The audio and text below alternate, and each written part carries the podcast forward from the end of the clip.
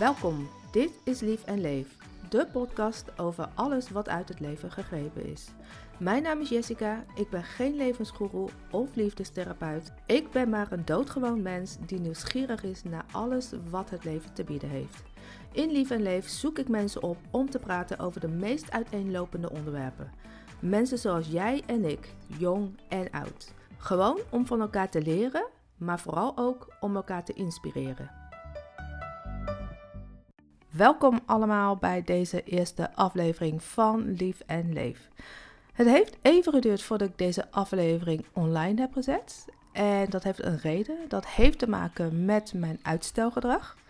Dat is een valkuil van mij. En vandaag ga ik van deze valkuil nuttig gebruik maken door er juist over te praten.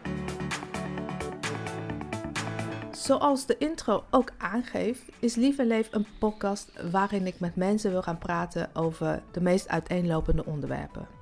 Ik had dan ook bedacht om gelijk in deze eerste aflevering iemand uit te nodigen voor een leuk gesprek.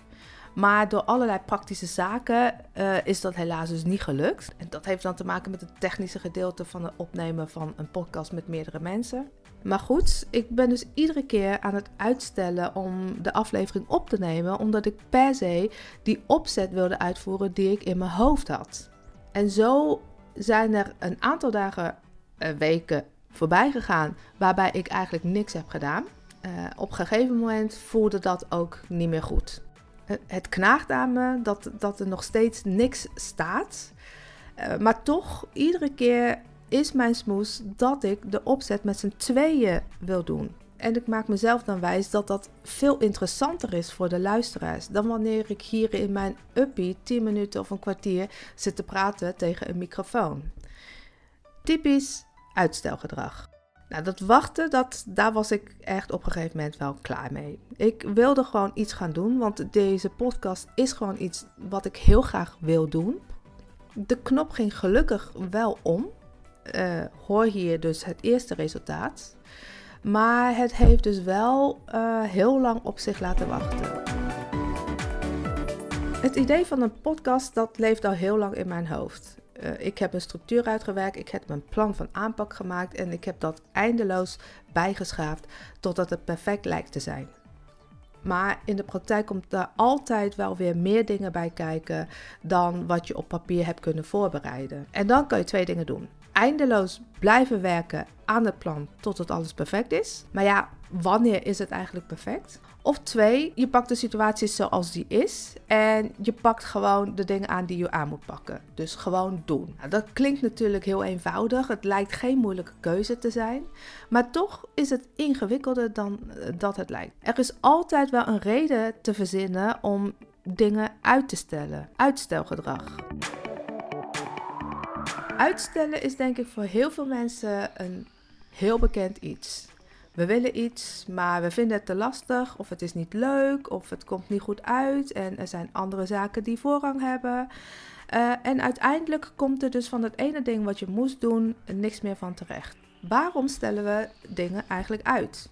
Nou, ik ben geen wetenschapper of psycholoog, dus alles wat ik hier vertel is puur vanuit mijn eigen ervaring. Maar ik heb natuurlijk wel geprobeerd om wat informatie op te zoeken. En ik heb een aantal artikelen gelezen en uit wetenschappelijk onderzoek blijkt dat uitstellen met een aantal zaken te maken kan hebben. Waaronder één angst, met name dan faalangst. Ik ben bang dat het mislukt als je iets gaat doen. Uh, het kan ook te maken hebben met het gebrek aan zelfvertrouwen omdat je denkt dat je ergens eigenlijk niet goed genoeg in bent. Ook perfectionisme wordt als een reden genoemd. Je wilt iets zo perfect mogelijk uitvoeren en daardoor uh, wacht je op het juiste moment. Maar wanneer is dan dat juiste moment? Nou, en als laatste is de reden ook nog dat het klusje gewoon echt niet leuk is om te doen. En dan wil je dat gewoon voor je uit blijven schuiven. Denk maar eens aan de plintjes die gelegd moeten worden. Of die ene lamp nog ophangen in uh, de uh, logeerkamer. Dat soort uh, kleine dingetjes. Als ik dan heel eerlijk even naar mezelf kijk. Ik heb mijn hele leven lang eigenlijk wel heel veel dingen uitgesteld. En daar heb ik eh, best wel spijt van. Want van sommige dingen is gewoon niks van terechtgekomen. Of misschien nog niet. Misschien kan het nog wel komen. Als ik heel goed mijn best doe. Maar dat zullen we dus nooit te weten komen. Het belangrijkste, en dat heb ik mezelf wel voorgenomen, is om dingen vanaf nu gewoon echt te gaan doen. Er is gewoon eh, op een gegeven moment een keerpunt gekomen waarop ik bij mezelf dacht: Nou, nu moet je echt de dingen gaan aanpakken die aangepakt moeten worden. Want als je dat nu niet gaat doen en er gebeurt wat en je kan het echt nooit meer doen, dan heb je eigenlijk je hele leven lang spijt ervan. Maar waarom stel ik zo vaak dingen uit? Even puur naar mezelf gekeken. De wetenschappers hebben het absoluut goed. Bij mij is het heel erg het gebrek aan zelfvertrouwen. Ik merk dat ik heel veel dingen wil gaan doen. Bijvoorbeeld uh, deze podcast maken. Ik ben bezig met een boek schrijven. En er zijn een aantal producties die ik uh, heel graag wil realiseren. Maar de reden dat ik dan iedere keer deze grote dingen voor me uitschuif, is omdat ik denk dat ik daar niet goed genoeg voor ben. Ik denk dan dat ik niet de goede achtergrond heb. Ik heb niet de ervaring. Ik heb niet het juiste netwerk om me heen. Uh, en er zijn al zoveel mensen voor mij geweest die deze dingen hebben gedaan en heel succesvol zijn geworden, dat ik denk dat ik dat niet meer kan. Nou, door die gedachte belemmer ik mezelf eigenlijk erin om de dingen te gaan doen die ik eigenlijk heel graag wil doen. En wat doe ik dan? Ik ga uitwegen zoeken. Ik ga dan dingen doen waarvan ik mezelf weer wijs maak dat die dingen veel dringender zijn. Dat die dingen echt gedaan moeten worden. Ik ga bijvoorbeeld gewoon stofzuigen of schoonmaken. Ik zeg ik moet boodschappen doen. Of ik ga even bij de buurvrouw op de koffie, want die heb ik al heel lang niet meer gesproken. En door die dingen te gaan doen, geeft het mij weer tijdelijk een goed gevoel. En ik zeg ook tijdelijk, want dat gevoel verdwijnt ook weer heel snel. Ja, ik heb dingen gedaan die ook echt moesten gebeuren. Maar ik had eigenlijk helemaal niet 45 minuten hoeven te stofzuigen. Dat had ik ook in een kwartier kunnen doen. Dan had ik nog 30 minuten over om aan mijn boek te werken. Ik hoefde niet zo nodig bij de buurvrouw op de koffie te gaan, want eigenlijk had ik haar vorige week nog gesproken. Dus eigenlijk ben ik mezelf aan het foppen. Want ik heb wel dingen gedaan, maar de tijd die ik in die dingen heb gestoken was niet per se noodzakelijk. Ik kon die tijd eigenlijk veel praktischer indelen. Maar in plaats daarvan heb ik dus heel veel tijd gestoken in bijzaken. Ik heb lang uitgerekt over uh, dingen die ik eigenlijk heel snel had kunnen doen, om maar niet aan de relevante zaken te hoeven werken. Verspilde tijd, dat moet dus duidelijk veranderen. Wat kan je doen om dat uitstelgedrag nou tegen te gaan? Eigenlijk is er maar één ding die je kan doen. Dat is door die dingen gewoon te gaan doen. Iedereen heeft wel een reden om uit te stellen. We denken er niets bij na. Het gebeurt, bewust of onbewust gaat dat vanzelf. En we overtuigen onszelf dan met goede voornemens dat dat uh, morgen wel komt of volgende week. Dan plannen we echt, echt een tijdvak in om het te gaan doen. Maar uiteindelijk wordt het weer vooruitgeschoven.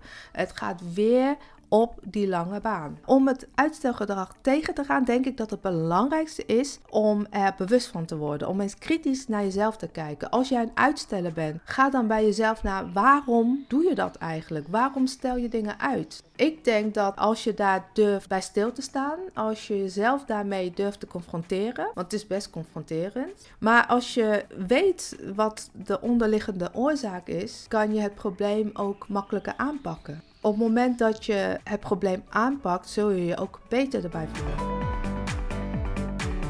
Uit onderzoek is ook gebleken dat uitstel tot stress kan leiden. Als we daarover nadenken, dan is dat natuurlijk ook wel logisch. Want als er iets is wat je nog moet doen en dat blijft maar liggen, je doet het niet, dan, dan blijft het alleen maar liggen. En dat komt dan ook continu weer terug. Het blijft in je hoofd spoken. Net zolang totdat het gedaan is. En hoe langer je ermee wacht, hoe meer een last dat gaat worden. En die last die valt pas weg op het moment dat die taak uitgevoerd is. Dus het is voor onze gezondheid ook heel erg belangrijk dat we zo min mogelijk uitstellen. We hebben ook een heel mooi spreekwoord van uitstel komt afstel. Als je iets lang genoeg uitstelt, dan komt het misschien niks meer van. En dan heb je misschien wel heel erg spijt dat je het niet gedaan hebt. Dus mensen, probeer zo min mogelijk uit te stellen. Doe de dingen die je moet doen. Doe de dingen die je wil doen. En als het lukt, vandaag nog. Het is natuurlijk nooit makkelijk om een gewoonte zomaar te veranderen. Maar als je er wel bewust van bent, dan kan je er zeker wel wat tegen doen. Ik heb hier een aantal tips. Die hebben mij heel erg geholpen om uh, het uitstelgedrag aan te pakken. De tips zullen jouw uitstelgedrag niet à la minuut kunnen veranderen. Maar ik hoop wel dat ze als handvaten voor jullie kunnen dienen in dat proces. Tip nummer 1 is maak een to-do-list. Maak een lijstje met wat je moet doen op een dag of wat je wilt gaan doen. Plan daarbij ook een tijdspanne in dat maakt het allemaal iets concreter om het uit te voeren. Want anders, als er geen tijd bij staat, dan kan je het ook wel weer uit gaan stellen. En dan krijg je dat, net als wat ik doe, een uur lang blijven stofzuigen. Of een uur lang zitten om twee boterhammen op te eten. Maar als je daar een tijd aan hangt, dan kan je je daaraan houden. En dan kan je ook veel effectiever plannen voor de andere dingen die je nog moet doen. Grotere taken kan je uiteraard opsplitsen en daar ook een tijd aan hangen. Nou, op mijn lijstje staat iedere dag van hoe laat tot hoe laat ik even wil gaan zitten om aan mijn boek te werken. Of om de podcast te scripten. Het zijn allemaal taken die, die groter zijn, die je klein kan maken. En op het moment dat je iets kan afstrepen van die lijst, is dat helemaal feest. Want dan heb je gewoon weer een taak volbracht. Dan valt er weer een last van je schouder. Tip nummer 2. Doe de kleine dingetjes eerst. Bijvoorbeeld als je nog wat klusjes hebt liggen die heel snel gedaan kunnen worden. Lamp vervangen of even de vaatwasser uitruimen. Zet dat dan gewoon bovenaan je lijst. Doe die dingen eerst. Dan geeft het al een opgeruimd gevoel. Het geeft je ook voldoening en het motiveert dan ook om je lijstje verder af te werken.